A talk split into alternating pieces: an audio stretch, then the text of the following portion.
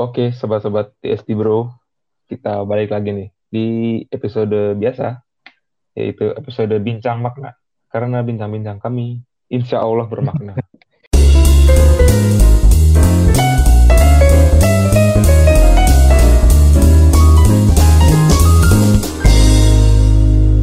Selalu gitu ya. Selalu, itu emang udah jadi motivasi kami gitu kan. nah, jadi gini, ya kemarin kita udah ngebahas di episode sebelumnya kita ngebahas tentang uh, dilema-dilema yang ada saat fase-fase quarter life crisis gitu kan. Mm -mm, betul. Nah, kita bikin lagi nih episode keduanya lanjutan ibaratnya kayak lanjutannya lah. Nah tapi mm -mm. itu mengenai ya gimana caranya gitu kita agar terbebas dari jeratan quarter life crisis gitu. Jadi sebenarnya quarter crisis ini bisa dihadapin lah gitu kan karena kata krisis kan badai pasti berlalu gitu. Mm. nah jadi teman-teman yang belum dengar mungkin bisa dengar dulu yang episode sebelumnya tapi bisa di lu rangkum sedikit gak di maksudnya uh, pengertiannya aja gitu quarter life crisis itu apa gitu quarter life crisis ya uh, dikit aja dikit, dikit aja. aja jadi itu yeah. sebenarnya quarter life crisis itu fase uh, dalam kehidupan kita ketika kita memasuki umur usia 20-an kira-kira 25-an lah sebenarnya sampai Setelah, 25 gitu ya nggak mulainya sebenarnya mulai mulai uh, puncaknya tuh umur 25 mulai apa sampai titik tertingginya 25 sampai 35. Oh iya iya. Uh, apa hmm. namanya? Uh, jadi di quarter life crisis itu fase kita udah mulai bingung untuk mau, mau ngapain habis kuliah. Aduh, gue harus ngapain ya? Gue harus ngikutin ke mana ya? Jadi istilahnya pencarian jati diri kali ya. Iya, iya bu. Iya, kayak gitu sih kalau quarter life crisis. Jadi ya intinya fase-fase yang akan dilewati orang yang dari remaja menuju dewasa gitu lah ya. Iya, betul. Menuju dewasa. Oke, nah di sini tuh kita bakal ngebahas mengenai cara agar terlepas dari jeratan quarter life crisis kan. Mm -mm. Jadi tujuannya itulah kita mengedukasi atau ya mengasih tahu sedikit-sedikit yeah. tawan kita lah ya. Oh, mm. Dan juga ini dari mana di sumbernya? Uh, ya, ini masuknya disclaimer kali ya. Iya, disclaimer dulu kita. Ini kita ngambil uh, apa materinya nggak dari kayak kemarin sih dari pijar psikologi insya Allah terpercaya bisa dicek yeah. webnya juga yeah. uh, sama ini kita udah.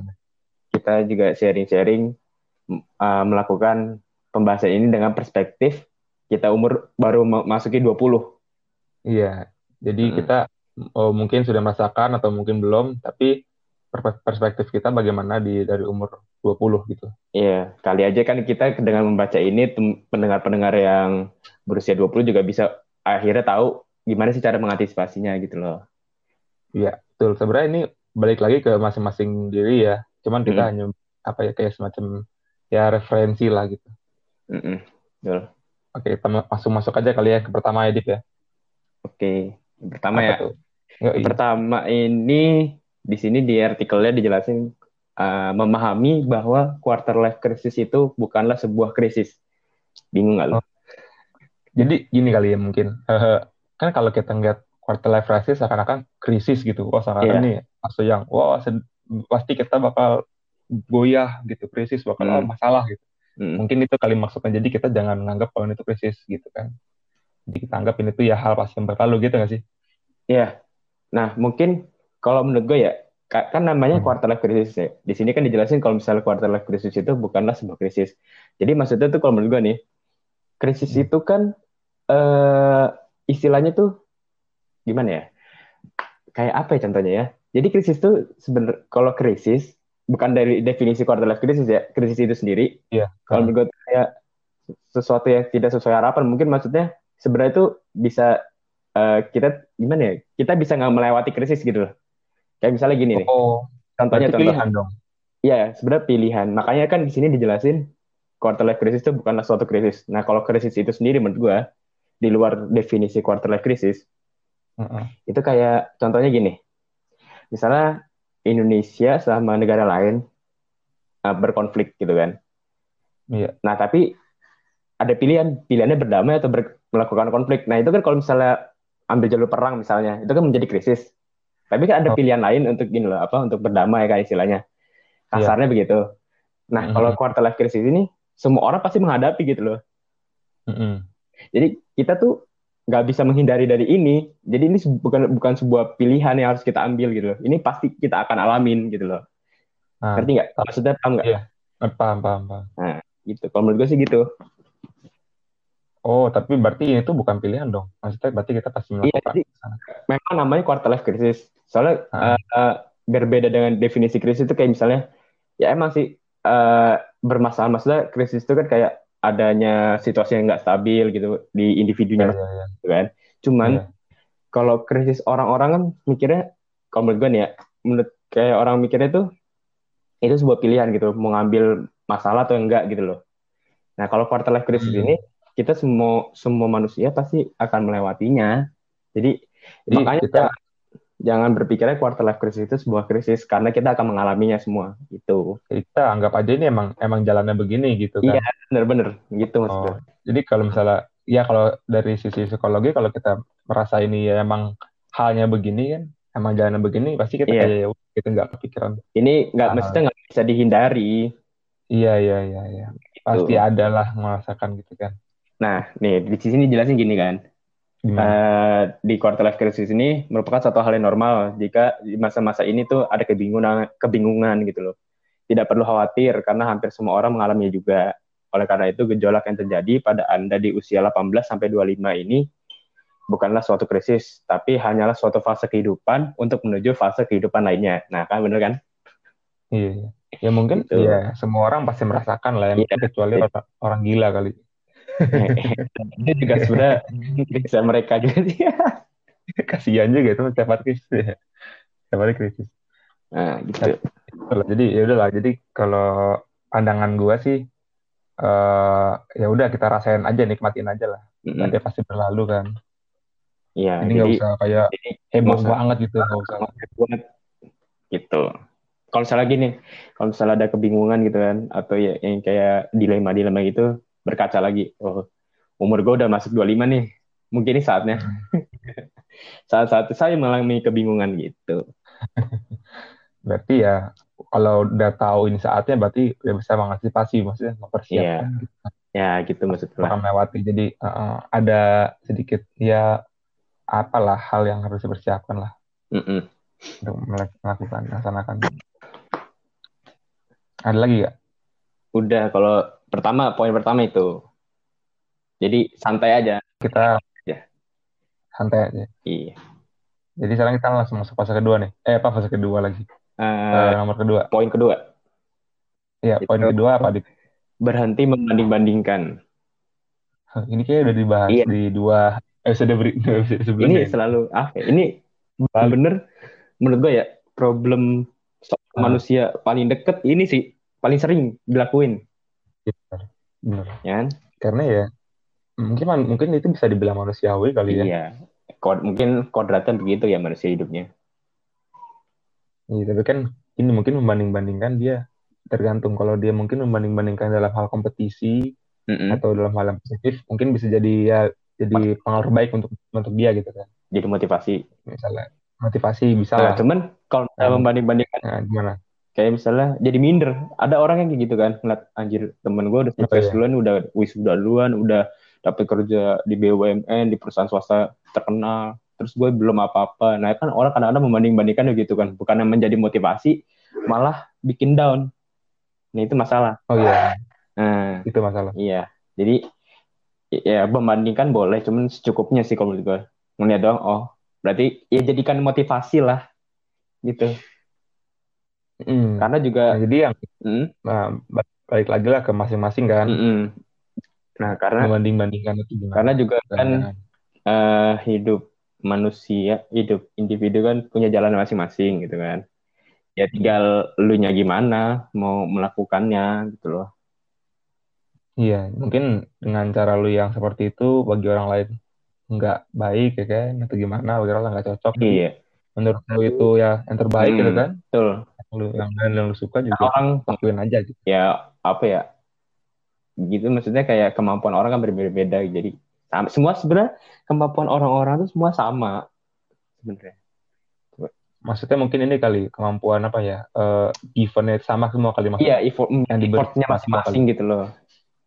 Nah, ya, tapi jangan berarti, bukan berarti ya. lu apa nganggur di rumah tuh effort ya bukan. Jadi mungkin pemberiannya dari Tuhan sama gitu kan. Iya cuman gimana? gimana? Ya? Ngejelasin ya. Gimana caranya? Mungkin gini kan uh, memanfaatkannya kita iya mungkin ibaratnya kita dikasih modal gitu misalnya dalam bisnis modal. Ya tinggal gimana cara lu masing-masing mengelolanya lu diapain gitu kan. Apa lu mau lakukan untuk hal yang positif atau lu dengan cara yang benar gitu kan. Kalau misalnya mungkin lu niat tuh positif mungkin cara lu masih salah kan bisa aja kan uh -uh. gitu bisa aja positif yang salah nah, mungkin jadi di sini juga ditulis ya kalau studi menyebutkan bahwa mengkonsumsi sosial media berlebihan dapat menyebabkan depresi. Salah satunya yaitu ada perasaan rendah diri karena mengukur kesuksesan dari kacamata orang lain. Toxic, media sosial itu toxic emang. toxic. Kalau gue setuju sih sama ini. Setuju gue juga. Ini kalau sekarang gimana ya? Kita nggak bisa, ya, jujur ya, kita pasti nggak usah ini lah, nggak usah menafik lah. Pasti semua orang nggak bisa lepas dari namanya sosial media, pasti mm -hmm. kan. Lu butuh gitu asupan apa ya? Ya mau lu introvert kayak, mau lu extrovert kayak mungkin pasti lu punya lah kayak Instagram, Twitter atau Facebook gitu kan. Pasti uh, ada hal-hal yang membuat lu mengganjal gitu kan. Iya. Lu ingin lu banding-bandingkan atau gimana. Nah itu kalau saran gue ya, gue gini, kalau gue sih gini, kalau gue untungnya gue bisa mengerti lah, bisa membeda-bedakan kalau ini, oh emang begini, mm -hmm. maksudnya emang ini orang lain gitu ya, udah. Kadang-kadang kan kalau kita ngeliat suka pancing emosi lah atau kepancing iri sama orang cembu apa ya pasti cemburuan sosial tuh ada gitu. Misalnya uh. oh dia enak banget ya. E, dari lahir udah kaya misalnya gitu kan keliling dunia. Dipuai dari bapaknya itu duit ya kan sedangkan kita misalnya misalnya gitu kekurangan bayar UKT aja susah demo mulu kan. Demo lagi sana sini. Nah itu ya uh, jadi kalau kalau lu bisa kalau bisa sih ya, harus bukan kalau bisa harus bisa untuk membeda membeda maksudnya membagi porsinya juga sosial media itu dan harus tahu kat, apa ya pengelompok pengelompokannya gini sih uh, orang tuh gimana? uh, menurut lu gimana? kalau gue punya cara tersendiri untuk uh, apa namanya? Untuk menyikapi sosial media di sosial media. Uh. Uh, gini. Lu punya hobi.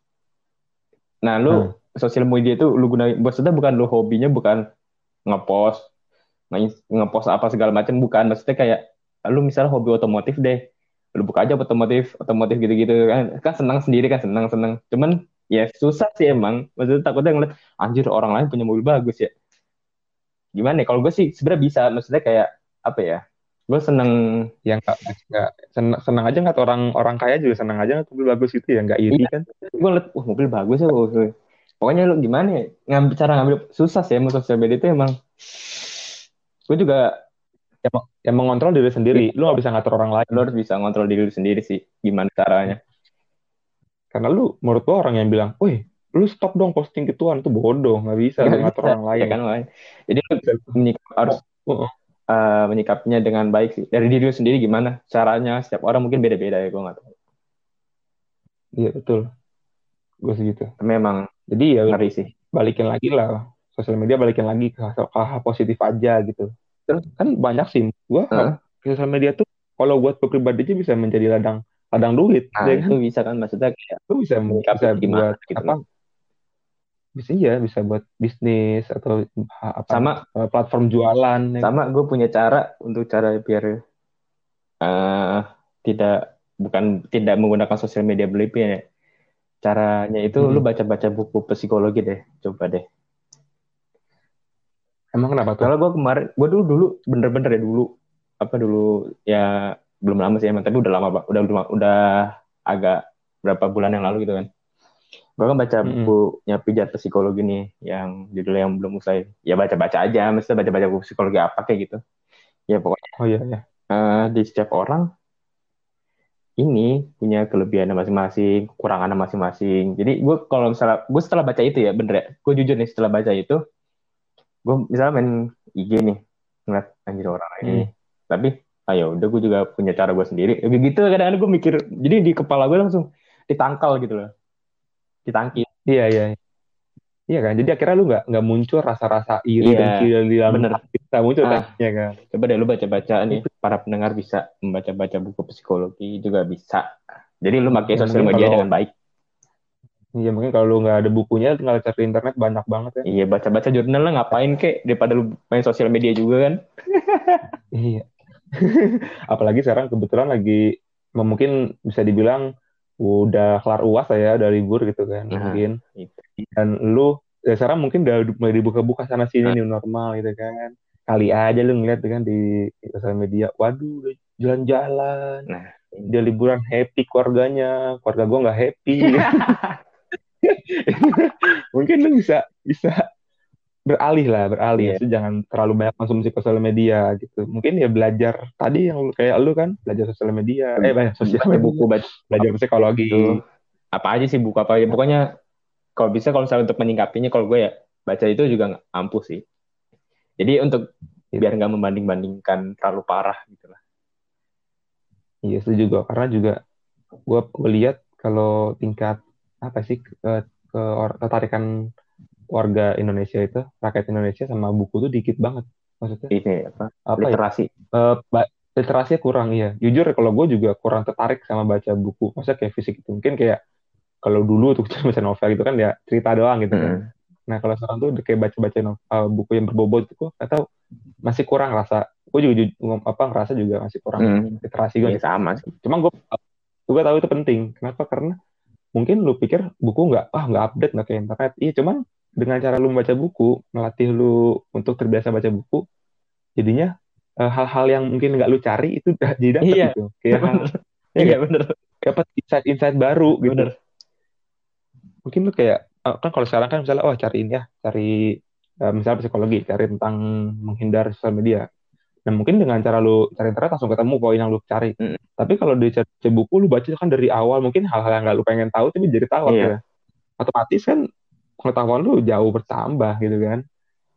sama Makanya. baca buku tuh bisa mengembangkan imajinasimu Oh benar. Ya mungkin baca novel aja nggak apa-apa Iya, lah ya. Novel apa sih kan ya buku cerita, buku fiksi juga nggak apa-apa. baca aja cuman Iya. ini sih eh, kalau gue ya nggak tahu ya nggak tahu studinya kayak gimana Hmm. cuman Gimana? ada loh kayak eh, nggak tahu sih gue merasa kayaknya kalau terlalu over juga eh, baca mungkin baca novel atau nonton film itu bisa juga Iya, iya. membandingkan sama ceritanya sama kehidupan lu sama di cerita ngerti nggak? Oh, gitu kayak. Itu jadi berlebihan juga ya. iya jadi jangan berlebihan juga sih. Jadi ya baca Iya. secukupnya juga. Semuanya serba secukupnya lah. Karena apa pun berlebihan nggak bagus lah ya. gue takutnya gitu. Gue takutnya ya maksudnya kayak ya pasti ada nggak sih? Lu ngeliat cerita nih wah keluarganya maksudnya kayak nonton film deh Iya, nanti. ya nih orang wah gini hidupnya kok lebih enak ya? Takutnya dia takutnya membandingkan sama dirinya sendiri dengan cerita dia nonton novel. Gue takutnya gitu. Gue nggak tahu ini kayak gimana. Gue merasa merasa perasaan gue gitu aja sih. Ya, jadi kalau da- ya tadi kalau dari perspektif gua sama perspektif, perspektif Nadif juga ya tadi begitulah ya. ya pokoknya. Ya, untuk membanding-bandingkan tuh banyak ya maksudnya kan banyak hal yang bisa lu lakuin selain membanding-bandingkan gitu. Jadi ya hal yang perlu lu prevent dan mana hal yang lu perlu lu improve lagi. sama ya yang kayak tadi dijelasin maksudnya setiap orang memiliki kelebihan dan kekurangan masing-masing. Jadi ya fokus sama kelebihan lu sumpah. Itu ya. Iya. fokus sama kelebihan lu dan eh lu kembangin tuh kelebihan lu lu kembangin. Jangan diem aja. Satu lagi menurut gua juga harus percaya diri sih. ya betul. Karena kalau lu apa ya kayak oh gue tahu gue jago di sini atau mungkin oh gue bisa masak nih. Cuma nggak pede aku pengen buka ini ya mungkin peluang bisnis dari masa masakan gue nggak pede takut gak enak Memulai. Iya. memulainya juga Iya, kan. iya. Emang susah. Ya mungkin kita udah agak keluar dari tiap ya. Ya udahlah ya. Tapi nggak apa Nggak lah. Udah lah ya kan kita nggak apa-apa sekarang menambah ilmu. Heeh.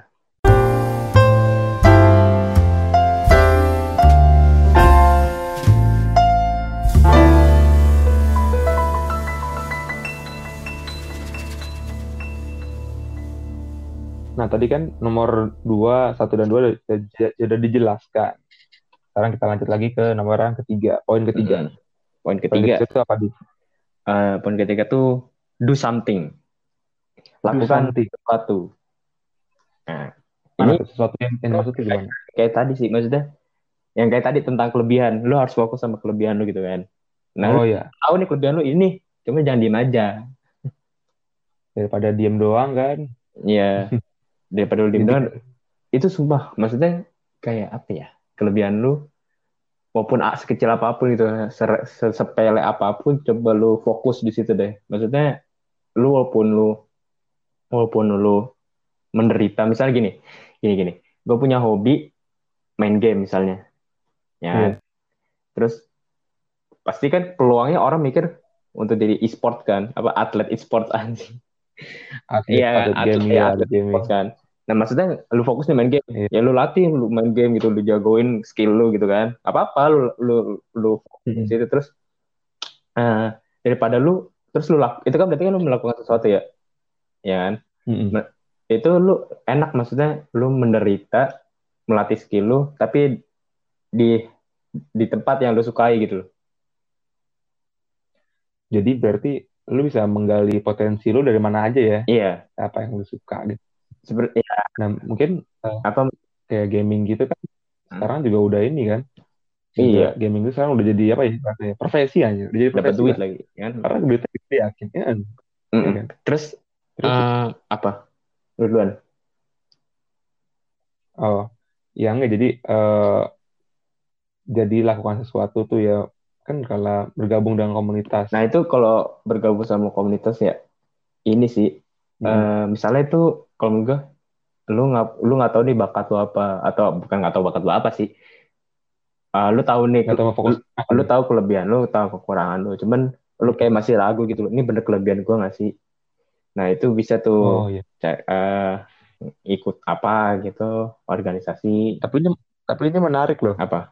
Dengan lu dengan lu misalnya gini misalnya gue ya.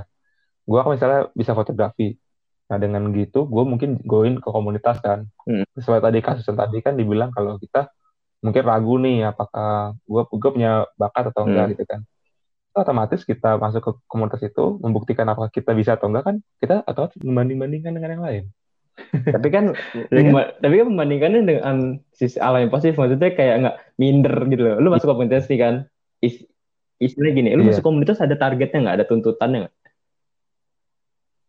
Sebenarnya kalau masuk komunitas tuh tujuannya untuk menambah ilmu sih. Nah, kalau gue berarti, maksud, kayak maksudnya kan meyakinkan gue juga. Ya itu kan targetnya berarti kayak istilahnya menambah ilmu kan. Otomatis lu harusnya mm. ya itu dari diri lu sendiri sih maksudnya. Kayak lu otomatis harusnya Iya kan? Ya, mengembangkan diri lu tujuannya kan begitu kan?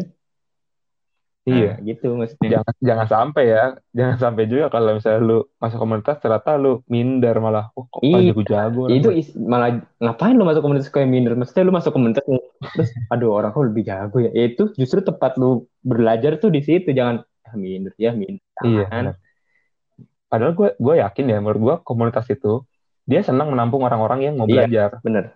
Karena apa dong? Karena gue ngerasa misalnya ada orang yang belum paham gitu nggak ngerti dan dia nanya ke gue gitu kan nanya ke gue um, masalah misalnya tentang fotografi gue gue senang sebagai gue tuh kayak ngerasa wih gue jadi kayak guru nih jadi kayak mm -hmm. apa orang yang mengerti bisa memberikan ilmu-ilmu gitu nah sebenarnya dengan cara hal itu kan uh, orang yang pengen orang yang nggak tahu itu minder duluan sebenarnya minder duluan belum mulai udah minder belum nanya udah minder jangan jadi kayaknya melakukan sesuatu dulu mulai dulu kan iya. baru sebenarnya mereka tuh senang senang ngajarin gue yakin senang ngajarin hmm. Karena kan dengan lu ngajarin lu juga jadi memperkuat ilmu yang lu punya. Iya. Gitu. Jadi sebenarnya itu tujuannya sebenarnya sih itu sih. Maksud gue mulai dulu ya. Do it, do something dulu lah. Jangan di game Terus, doang gitu. Gini, uh, misalnya lu tahu di diri lu nggak punya bakat, eh bukan nggak punya bakat, pasti semua orang punya bakat. Maksudnya belum tahu bakat lu apa, lebihan lu apa, apa ya. belum tahu kekurangan lu apa. Ya coba pertama mungkin lu pikirin dulu kan kalau misalnya bener-bener nggak dapet gitu kan kelebihan lu apa ya lu uh, usaha lah maksudnya coba cari-cari kayak apa yang bener-bener paling deket sama lu misalnya lu main lu apa lah yang terlintas di kepala lu duluan gitu ah gue mau ikut organisasi ini ah. Nah, lu masuk aja gabung maksudnya gitu loh. Ikut apa kayak iya, ikut seminar atau apa. Pokoknya yang terlintas di kepala lu tuh. Jadi kan insya Allah kan maksudnya kayak lu ikut-ikut gitu jadi tahu oh gue suka di sini gue gue bisa di sini gue bisa di sini gitu loh. Iya. Karena gini mungkin lu ngerasa lu nggak punya kelebihan atau apa gitu kan. Tapi gue yakin lu punya hobi ya, ya kan? pasti. Itu fokus pasti pasti orang punya hobi. Heeh. Mungkin lu ngewibu gitu kan atau mungkin lu suka oh gue suka Jepang Jepangan nih suka bokep kali mungkin dengan itu lu nggak tahu bakat lu di sana atau lu jadi eh jadi tukang gambar anim kan?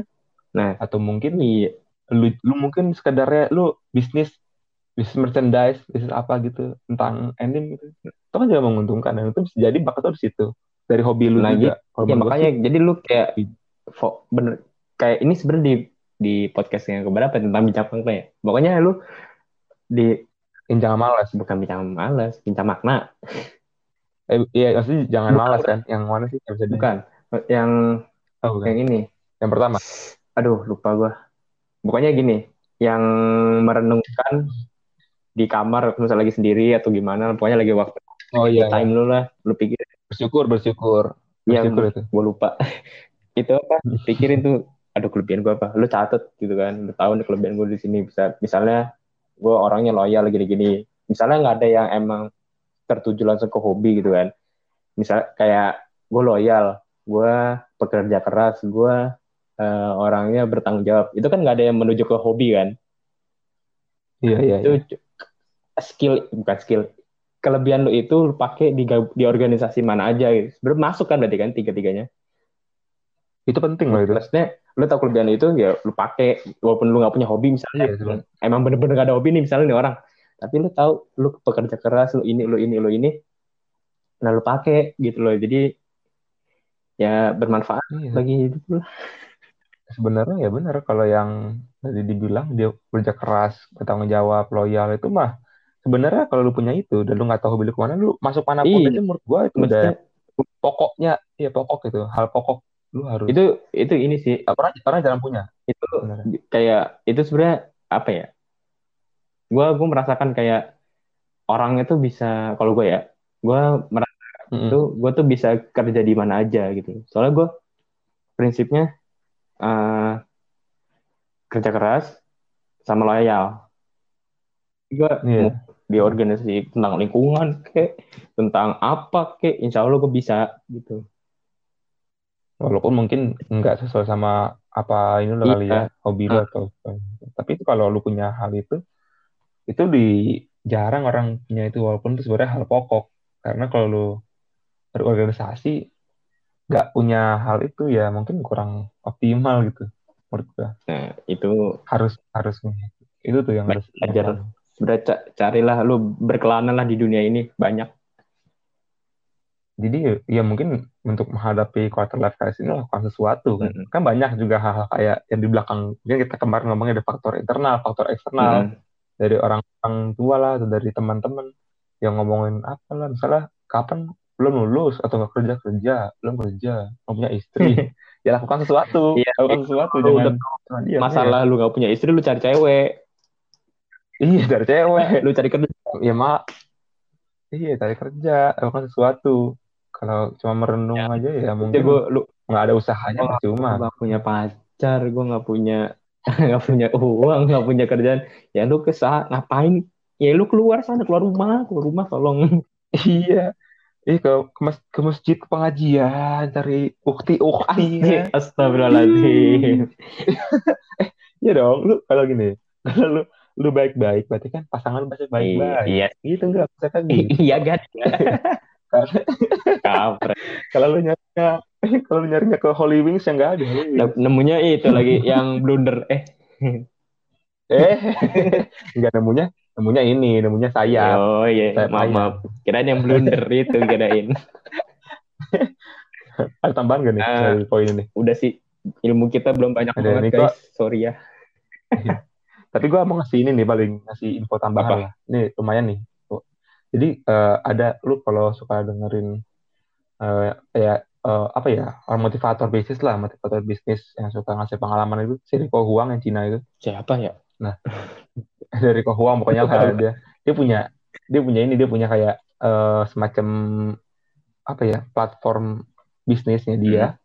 Nah dia tuh punya macam-macam banyak supplier gitu Hmm. kan. Ini gue nggak di endorse ya, gue kenal gue juga dia. Hmm.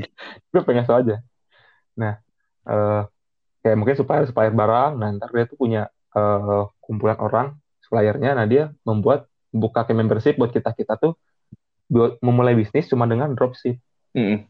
jadi kita tuh kayak cuman lu daftar di sana Hmm. ke dia dan lu bisa dapat nggak usah nggak usah punya barang ya gitu. Lu cuma dapat foto uh, caption lu tinggal post eh lu share Enak mana-mana ya? orang beli ke lu ambil margin. Iya lu ambil margin dan lu tinggal jual. Barangnya lu gini misalnya orang orang jual eh gue beli dong misalnya lu dropship aja Hmm. beli dong dit misalnya beli pulpen gitu nah lu tinggal oke pulpen lu bayar gue bayar ke Nadip lu ambil margin dong Hmm. Nah, ntar lu tinggal duit yang lu modalnya lu bilang ke dropshipnya, dropship ntar ngirim langsung ke gua, nggak ngelewatin lu lagi. Nah itu menurut gua itu simpel kan, lu nggak perlu modal, Iya juga ya. Eh, modal lu kecil nah. Nah itu kebetulan nih, kebetulan gua lihat di iklan di Instagram dia. Nah mulai tanggal 20 Juni sampai tanggal 30 Juni dia bakal ngebuka membershipnya itu, maksudnya membership di dropship itu cuma 99 ribu. Menurut gua mending lu, lu yang daripada punya duit cepet nih, nggak ada apa-apain kan, di rumah doang juga, coba aja deh, daftar aja dulu. Toh kalau gagal pun lu nggak penasaran kan. Iya, maksudnya walaupun lo gagal juga ada usaha. modal modal juga kecil gitu. Ya ini cuman cuman sekedar kasih info aja sih, nggak ada nggak sponsor nggak apa. Cuman gue senang aja kayak gue penasaran juga pengen nyobain. Ya boleh tuh kayaknya menarik. Narik narik itu info aja. Karena ntar kita bahas ya aja. lanjut ke Oke, lanjut ke poin keempat. Poin Apa di? keempat, mengontrol ekspektasi. Wah, Hmm. berat nih. Gue nggak tahu sih maksudnya. Gue belum paham banget maksudnya. Gue juga masih kadang-kadang ekspektasi gue tinggi. Nah, itu kadang-kadang eh, ekspektasi yang tinggi itu ya, pas kita nggak dapet ekspektasinya kita kecewa kan. Coba banget. Nah, pasti. jadi kayak Tapi katanya gini, katanya kalau dulu taruh harapan setinggi tingginya. ya ya bener ya Kalau maksudnya lihat usaha bintang-bintang. maksudnya mungkin di sini ya coba gue baca kali ya di sini tuh Ya, bacain dulu hmm, ntar lu gue juga bingung bacanya nah di sini tuh kan ah, pemikiran. jelas- dijelasin nih dalam melakukan sesuatu tidak jarang kenyataan bertentangan dengan harapan ya kan tuh kecewa Oh. memiliki dong. memiliki pemikiran untuk selalu menapak pada tanah dapat membantu Oh. dalam berdamai dengan kenyataan tentu membumi, membumi. Nah, jadi tunggu sampai sini dulu kali ya. Jadi Iya. ini mungkin kalau menurut gue ya, ini lebih ke arah berpikir realistis nggak sih? Mm-mm. Jadi eh, Mungkin ya kalau misalnya Gimana? ekspektasi lu tinggi, lu gagal, kecewa, berhenti usaha lu. Gitu kali mungkin takutnya kan, yang ditakutkan itu oh kan. iya, maksudnya. Eh, Pentingnya nah, tapi di sini kan memiliki pemikiran untuk selalu menapak pada tanah dapat membantu dalam berdamai dengan kenyataan. Nih, terus selanjutnya, Iya. rapalkan mantra. Hmm. Saya sekarang berada di posisi dan kondisi yang tepat. Saya hanya butuh bertahan dan berjuang sedikit lagi. Oh. Selain itu, bersikaplah lebih adaptif dan fleksibel dalam menghadapi berbagai kemungkinan yang terjadi. Bukan berarti harus menyerah dalam menggapai cita-cita. Tiap kegagalan atau ketidak sesuai kenyataan dengan harapan dijadikan motivasi. Bukanlah, bukankah bola juga perlu dihentakkan ke bawah untuk dapat melanting tinggi? Nah, jadi Eh. mana tuh kan? Menurut lo kan? menurut gue gini, jadi eh kalau dulu kita kan mungkin masih sebelumnya kan masalah quarter life crisis. Heeh. Mungkin sebelum sebelum kita masih kecil-kecil kan suruh wah cita-cita apa eh, cita-cita setinggi mungkin gitu Hmm. kan atau gimana. Nah, mungkin udah di saat ini di masa-masa umur 20 sampai 25 tahun sampai 30 tahun, kayak kita kan sudah berpikir pasti dewasa kan, Iya. sudah realistis kan. Mungkin lu dulu pengen jadi pilot, ternyata sudah gede, ah ternyata mata gue minusnya gede atau mungkin eh gue ternyata nggak bisa ke arah sana atau Hmm. keluarga gue nggak cukupi lah untuk ini. Oke, berarti gue ubah eks- ekspektasi lu Nah, diubah, dikontrol. bisa, Nah, bisa. ini kan di sini sebut juga Hmm. kan, saya sekarang berada di posisi dan kondisi yang tepat. Saya hanya butuh bertahan dan berjuang sedikit lagi. Ini pasti tujuannya tuh biar kita nggak yang tadi gue bilang, kalau misalnya kita ekspektasi tinggi dan kita tuh nggak kurang realistis, kurang apa ya? Ya kok udah masa saat ini kan udah dewasa ini kan butuh realistis juga lah pemikirannya. Nah, takut kita menyerah malah kayak, aduh, gue gagal nih hidup, Iya sih. gue gagal, pengen juga gagal. Sebenarnya kayak disebutin lagi tadi, kita perlu hanya sedikit adaptif dan fleksibel menghadapi kemungkinan. Begitu. Itu menur- menurut gue gitu. Gimana ya? Nah, Agak- perlu agak kok agak kompleks nih yang poin yang ini. Jadi eh gimana ya contohnya? Misalnya gue mau jadi presiden, tapi gue tapi gue sekarang di umur 20-an kayaknya merasa ah mungkin eh, tidak bisa kali ya. Karena tidak punya partai. Bukan gitu. Ya emang gue gak mau masuk partai sih emang. Males ah. Nah jadi kayak misalnya gimana ya? Hmm, gue agak ini sih masih agak bingung menapak pada tanah dan tempat membantu. Mungkin gini sih. Di sini kan dijelasin saya sekarang berada di posisi dan kondisi yang tepat. Saya hanya butuh bertahan dan berjuang sedikit lagi. Gini, hmm. misalnya lu mau jadi apa ya?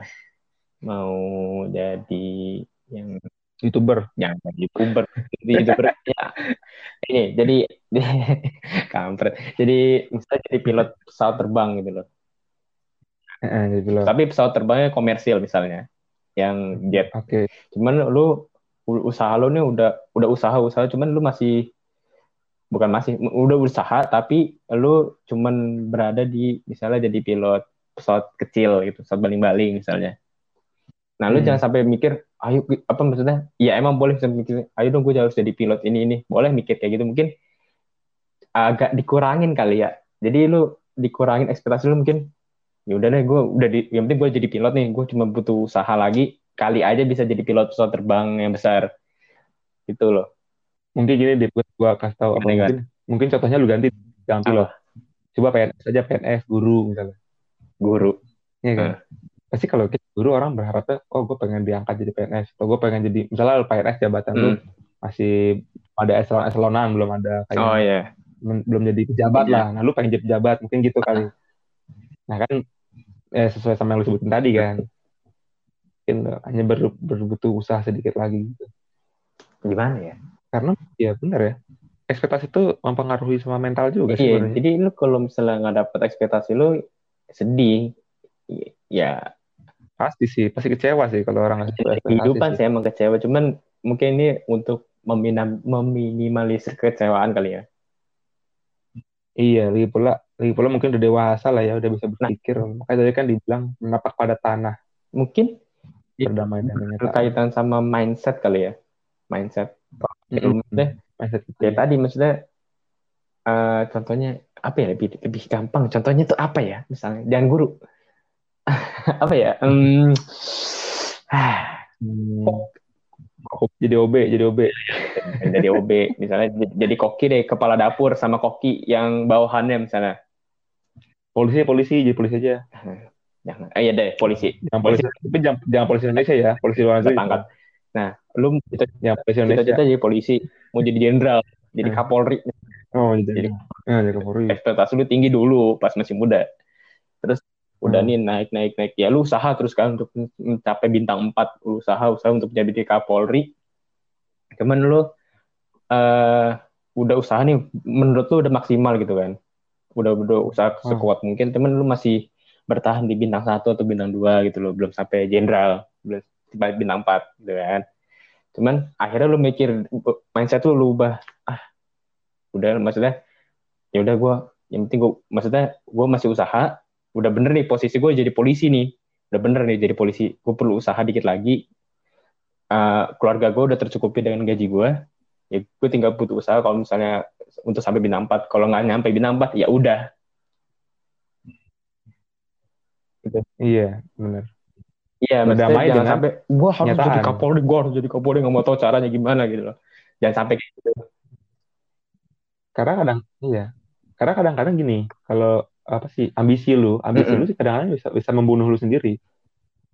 Kadang ambisi itu memang bagus ya untuk motivasi ambisi gitu. Cuman menurut gua kalau ambisi yang berlebihan juga nggak bagus untuk diri sendiri. Misalnya kayak lu pasti pernah lihat lah kayak orang-orang yang uh, satpam mungkin. Cuman gagal. Ambisi pengen jadi polisi.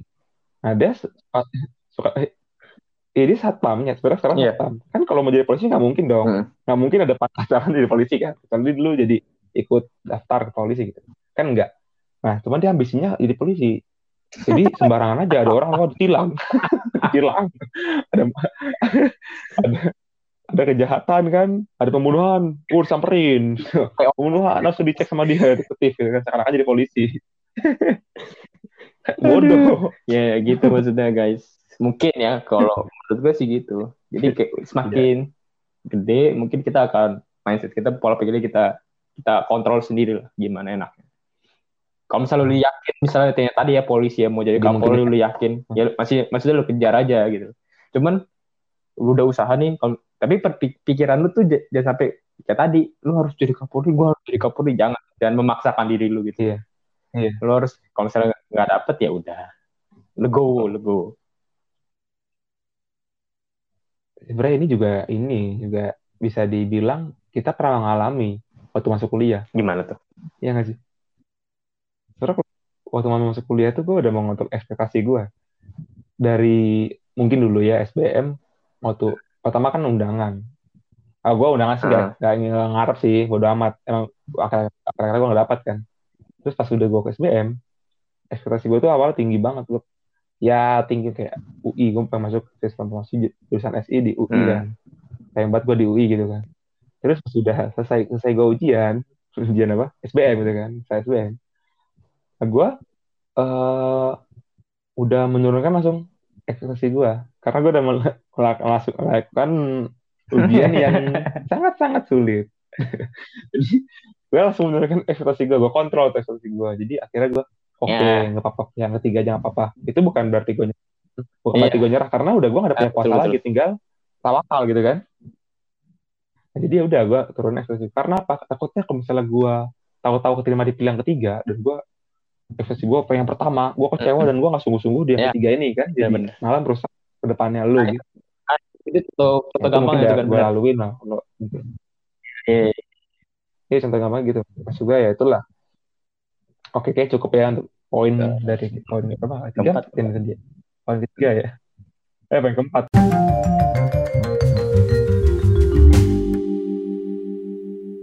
Sekarang kita udah sampai di ujung poin terakhir. Poin terakhir ya. Hmm. Di final, poin final nih. Apa tuh, Div? Poin final ini jangan keras pada dirimu sendiri.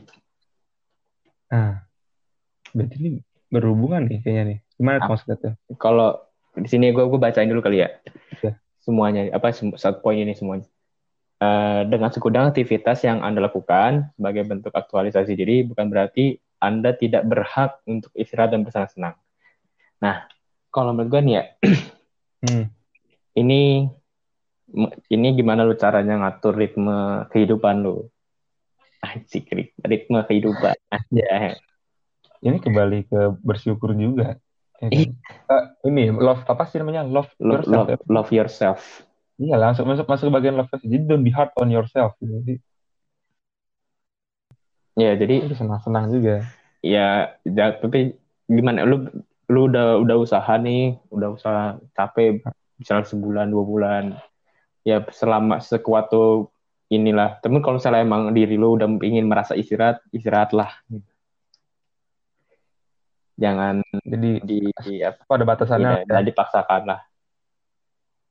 Itu maksudnya di berarti kalau iya mungkin bukan berarti kalau lu fokus sangat apa sangat keras untuk apa ya uh, semua hal yang lu pengen. lu pengen langsung hmm. lu semua tuh lu udah keras terus.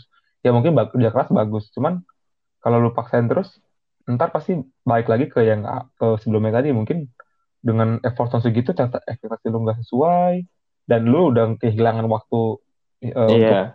untuk lu untuk istirahat lu untuk bersenang-senang sosialisasi teman lu nah itu mungkin juga bisa jadi buruk berhal bagi buruk juga buat selain lu gitu. selain tadi juga bisa menimbulkan masalah kesehatan kesehatan fisik bisa, kesehatan bisa mental banget. ya kan bisa gila bisa banget kalau misalnya mortir ya kan kehidupan lu jangan terlalu masa buru-buru lah.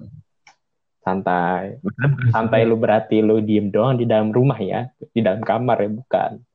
Iya, enggak. Lu jalan, ini kan konteksnya lu bekerja keras, tapi iya. jangan kerja keras banget jangan, gitu, nggak ada waktu buat sendiri. Jangan jangan. Capek lu tiap hari nggak ada waktu buat dirusin bener sih. Jadi lu hanya fokus sama kerjaan lu, sama kegiatan lu, jangan maksudnya ya sampai sebenarnya ini kalau menurut gue ya nggak perlu kayak liburan ke luar negeri yang seminggu atau ke mana ya istirahat gitu di rumah-rumah juga di rumah juga bisa sih senang-senang sehari dua hari. Iya jadi iya pasti masing-masing orang punya porsi masing-masing punya porsinya sendiri-sendiri yeah. lah. Mungkin porsi lu sama porsi gue beda kali kan karena gimana gitu. Nah mungkin ini balik lagi ke masing-masing. Sebenarnya contohnya nih ya contoh kalau misalnya di dunia perkuliahan ya libur kuliah lu hmm. manfaatin bro Iya. Maksudnya ya asal ya, asal lu kuliahnya bener. Nah, masalah di situ, Dit. Oh, lu kuliah coba cuma empat hari seminggu. Bukan, maksudnya. Terus juga kayaknya. Ke, maksudnya kayak lu kuliah takutnya lu suka bolos, lu nongkrong-nongkrong, maksudnya ya lu nggak ikut organisasi mungkin. Jadi oh. di, di dunia perkuliahan lu kayak nggak ada kehidupan gitu. Maksudnya kita dikasih libur nih. Kalau gue ya, kalau gue kan bukannya mau iya. menyombongkan asik.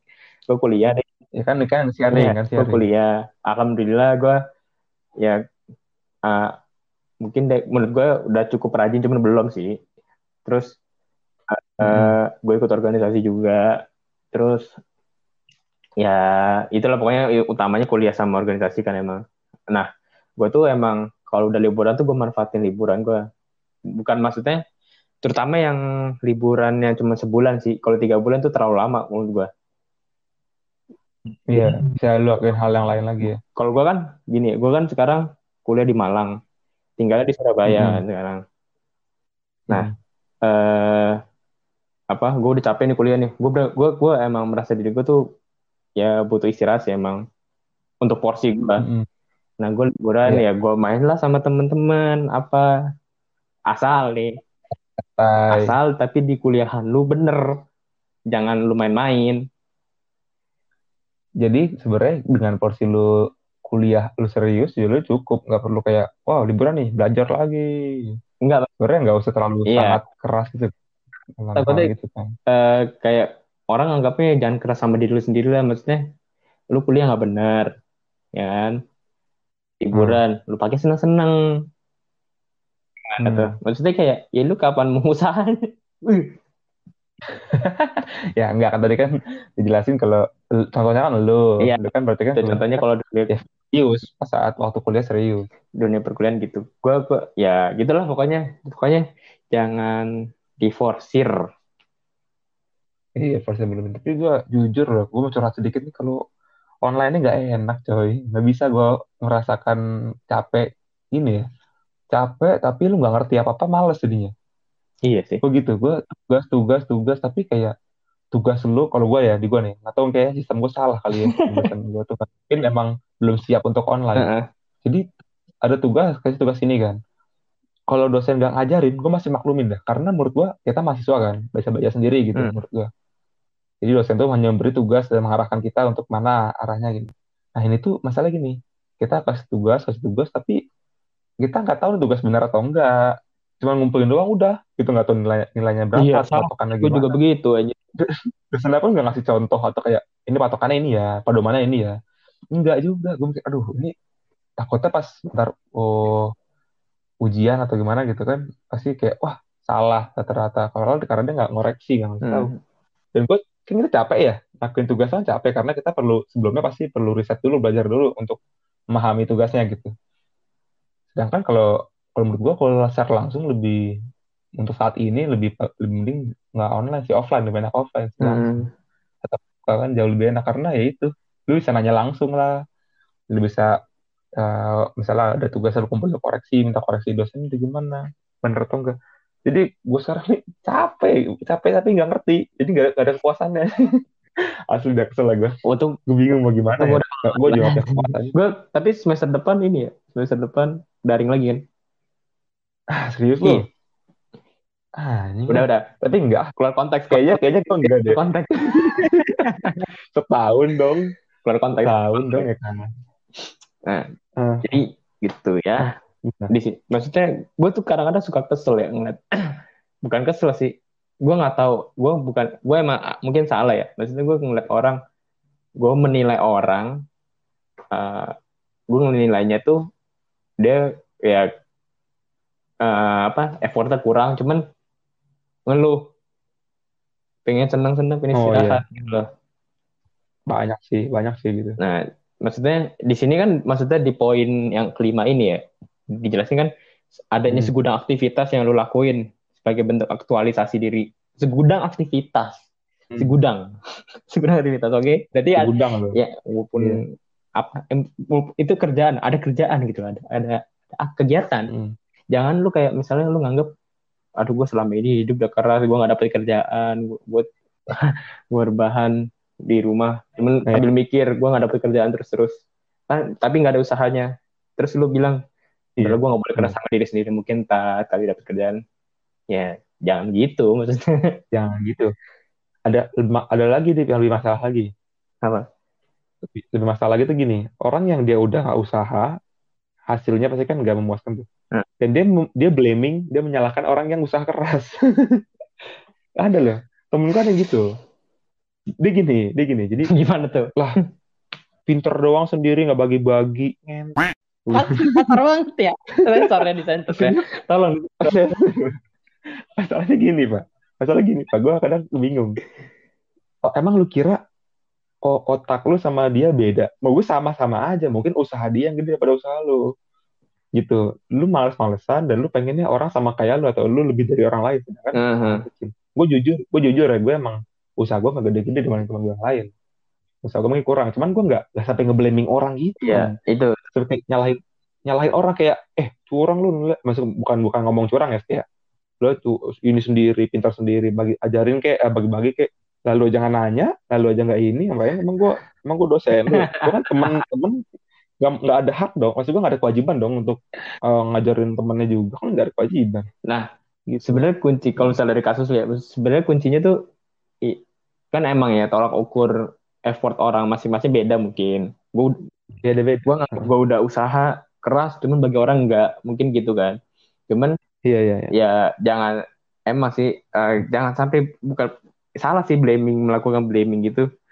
Ya lu Mm-mm. harusnya justru introspeksi diri gitu. tuh Jangan itu. langsung. Lo kok nyapa jali jali jali nyalain orang? iya konyol sebenarnya konyol gue kadang-kadang juga tapi gue gue sendiri ya gue ngeliat orang yang begitu gue malah diem, diem aja sebenarnya harusnya gue nggak tahu gue harus gimana ya harus gue harus ngomong ke dia Mending diem. tapi gue diem gue diem aja gue diem Eh, enggak sih. nggak tahu gue bingung Kalau itu lu soalnya gimana ya? lu inget atau lu, lu tegur maksudnya ya baik-baik ngomongnya. masalahnya gimana kalau gue iya sih benar sih sebenarnya gitu yang Bener, yang bener gitu ya. Ya dia sadar lah. yang bijak gitu. Kalau kalau gue gue ngomong eh lu inilah usaha lah gini lah ya, ntar dibilangnya sombong ya kan? Udah ngerti sombong atau enggak? Oh nggak bagi-bagi lu sih pelit nggak bagi-bagi lu sih lah kok nyalain orang? Yang maksudnya ya- yang harus diem tuh dia harusnya yang blaming. Jadi Iya. maksudnya ya sedih nggak nggak Dia nggak ini ya nggak blaming lagi ah, di- mungkin dia sadar ya, ya dia nggak bagi-bagi. Apa misalnya dia nganggapnya nggak bagi-bagi, cuman harus sadar dia nggak perlu ngomong, sama harusnya sadar juga, oh kalau gitu mungkin gue harus lebih inisiatif kali harus nanya atau harus apa gitu. Iya kan, seenggaknya kalau lu misalnya nih, lu nggak bisa belajar sendiri, kayak gue lah, gue nggak bisa belajar sendiri. Lah gue nanya ke temen gue, temen gue dan open kok, welcome dia untuk mengasih Iya, hal-hal yang dia gue nggak tahu, gue nanya, oh dikasih tahu aja sama dia, ajarin seperti ini. Seneng gue kalau gitu. Nah. nggak nggak kayak yang di ini orang temen gue yang lain itu aneh-aneh takutnya. Tapi nggak gua- semuanya, sedikit tahu. gue juga ada tuh. Gua, ini agak keluar konteks sedikit ya. Mungkin ini berkaitan. curhat, curhat. Iya. Eh, jadi gue ada dulu, gue lagi kerja kelompok. gue kerja kelompok, ya kan. Terus gue bertiga tuh, bertiga. Eh gue satu cowok satu cewek. Nah, eh gue bukannya idenya tuh dari semua gue kan. Apa bukan ide sih maksudnya Hmm. secara konten gue ngisi gitu gue gue yang ngerjain konten ya blog blog nyari nyari sumber-sumber apa gitu kan pokoknya gue yang Hmm. isi kontennya lah isi konten tugasnya terus temen gue tuh yang cowok yang cewek juga bantu isi konten gue sama yang cewek nah satunya lagi temen Hmm. gue yang cowok dia cuma rapihin boy kan kesal gak gue ya maksudnya nah gue belum kesel sih emang karena kerja kelompok ya jadi gue gue biarin dulu kan ya udah Iya. ya udah kerja kelompok mesti ya udah lu rapiin dah gitu kan terus besoknya dosennya bilang kelompoknya dipecah ya kan? Nah, dipecah Hmm. kan terus jadi tuh, temen gue yang kerjaan tuh. cowok nih temen gue yang cowok mau ngeklaim nih tugas yang gue buat eh, dia pakai pedoman ini kali, pedoman semua hanya milik Tuhan. gue gue gue gue lah Kita tidak ada kita. MP marahin anjir lah gue yang kerjain konten gue yang gitu lu cepet rapin bla dia diem gak bales Iyalah. Emang ada orang nggak nggak ada adabnya juga ya. iya jadi tuh guys ya para pendengar usahalah lebih tolong ya Tolong lagi nih. Seenggaknya walaupun lu gagal, lu tahu effort tuh seberapa gitu dan lu harus bangga dengan kegagalan itu daripada daripada harus ngeklaim punya orang lu harus nge-blaming orang lain. berkaitan dengan dengan poin lima ini kan? Berkaitan sama jangan Hmm. keras sama diri lu sendiri. Ya lu, lu Iya. kayak jangan maksudnya jangan sampai lu ngomong kayak gitu ah kalau misalnya lu males gitu loh. Ah gue nggak boleh keras sama diri gue Iya. sendiri. Ya udah gue ngeklaim tugas buat oh, berarti Gua- berarti gini kan kalau kalau gue gue klaim lah. Ya dia cuma ngerap ya emang mungkin bagi dia effortnya dia ngerapihin tugas emang mungkin Iya, effortnya dia segitu sih. cuman kan gak berhak Iri juga ya, buat ngambil barang orang. Iya gak berhak juga dong. Ide dari gue kontennya dari gue ya mungkin berhak ya dia punya hak. Cuman itu otak tiga orang lain ya. Kenapa dia mesti ngambil sendirian? Sabar. Ya guys ya jadi udahlah itu sedikit curhat-curhat Ya, lah. lu bilang kalau misalnya lu males jangan sampai ngomong gue boleh keras sama diri gue sendiri. Ya tapi lu males. Jangan. Tolong ya. Mungkin gini kali. Jangan keras sama kemalasan anda. Jadi harus malas terus. Jangan kebalikan. Aduh. Jangan malas terus. Kecuali ini ah, lu wah pokoknya lu udah aktivitas banyak. Ya emang hasilnya belum maksimal ya perlu istirahat. Iya sih benar. Suka kesel banget. Kalau Hmm. bawa orang gitu kesel gue jadi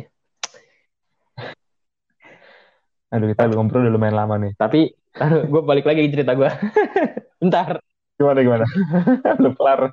Ini enggak ini bukan masalah. Jadi tapi meskipun dia begitu ya gue satu organisasi men. Ya dia dia pengurus juga gue juga pengurus. Hmm. dia, dia pengurus cuma dia gue akuin sih emang kerjanya dia wah gercep.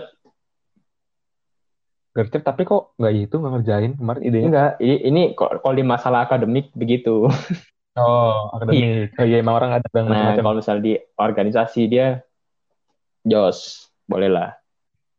Oh iya berarti. Jadi oh, iya itu tadi balik lagi ke passionnya dia kan? Mungkin dia makanya- lebih suka makanya hal gue gue juga akhirnya introspeksi ya udahlah dia dia emang menguasai di situ. Jadi gue kalau misalnya gue sih sekarang ya ngeliat orang kayak gitu gue dimin dulu. Ah mungkin dia jagonya di sini kali. Gue gitu mulu pasti sekarang. Iya. Mungkin eh temen lu di bawah rata-rata ya mungkin dia di Ya, hal yang lain. kan kita nggak tahu. Dan kalau mau dibilang-bilang ya lu kerja ntar juga. Ya sebenarnya kuliah lu nggak terlalu terpakai. Sebenarnya paling ntar orang dalam. Oh, tidak. Relasi. Relasi orang dalam. Jangan anda kira kuliah materinya dipakai buat kerja tidak. Bangke capek capek lu kuliah lu uas gitu nah cuman gini kan bedanya lu kuliah tuh kan pola pikir lu yang dipakai. Iya betul. Hmm, ya beda sama orang yang masih lulusan SMA gitu kan beda pasti. Walaupun emang ilmunya mungkin belum tentu pakai semua. Ya. ilmu yang sesungguhnya lu dapat tuh dari kerjaan. Gitu kata orang sih gitu ya. Gue sih cuman menyampaikan meneruskan saja forward doang ini. Terus balik lagi ke poin lima ini ya gue pengen ngasih insight ya. Nggak tahu sih ini pertanyaan gue sih. Kayak misalnya gini Ah. kan di sini kan dengan segudang aktivitas yang anda lakukan anda sebagai eh, bukan berarti nggak berhak untuk beristirahat. Jadi boleh lah istirahat gitu kan. Hmm. Nah, cuman ya ada mungkin ya gue nggak tahu. Misalnya nih ada orang yang aktivitas cuman nongkrong nongkrong tiap hari nongkrong nongkrong nongkrong nongkrong gitu. Nih eh, nongkrong rokok ngopi. Temen ya aktivitasnya itu doang terus? Itu udah kayak hidup ya lifestyle terus terus apa apa ya? dia dia merasa lelah gitu loh sama sama. Kan dulu bingung. dia merasa lelah sama aktivitasnya dia itu. Terus dia akhirnya memilih istirahat untuk tidak menongkrong lagi. Nah terus ngapain? Dia di rumah dia tidur. Ya istirahat nah itu itu dibenarkan. Nah. pertanyaan gue Gak kebayang gak? Kebayang gak kalau tuh orang itu curhat ke lu ya?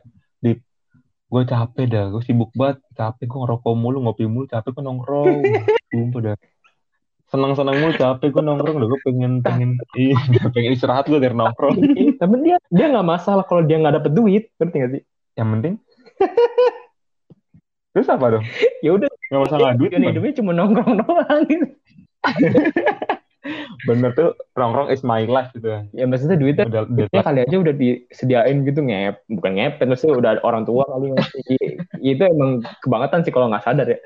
dia temen di hidupnya tuh nggak mikirin duit gitu dia cuma mikirnya berkumpul sama teman-teman gitu-gitu loh eh mana tahu ntar dia entah udah kerja temennya banyak temennya ngajak ngajak kerja terus dia jadi mungkin marketing kalau dia jago berteman kali jadi jadi gue sekarang ya sekarang banget gue mikir kebenaran tuh ya nggak cuma satu gitu ya bisa aja bagi dia tuh orang udah bener. Kita nggak tahu gitu maksudnya. Masing-masing ya. orang bener balik lagi masing-masing orang punya jalannya masing-masing. Jadi terserah gimana dia. Kalau misalnya dia merasa capek ya udah istirahat. Ini kalau kita ingat pandangan umum kita kan pandangan general kita ya nongkrong-nongkrong kayak negatif iya, lah. maksudnya kayak, kan kayak cuma hal untuk iya. senang-senang aja. bagi, bagi, ah terlalu berat pembahasan seperti ini. Ah iya. Sebenarnya lebih lebih seru lagi kalau kita undang itu orang yang nongkrong. Ada siapa tuh?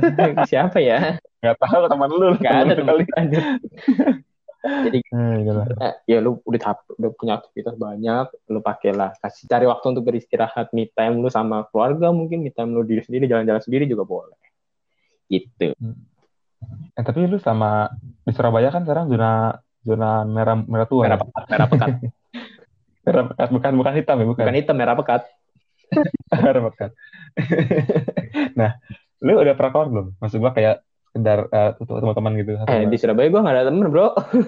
Temen gue oh iya iya. Enggak maksud gue teman lu kuliah gak ada di, Malang. Di udah pada kali oh, iya. atau nggak di mana? Di Blitar. Tapi gue pikir orang nggak di Surabaya.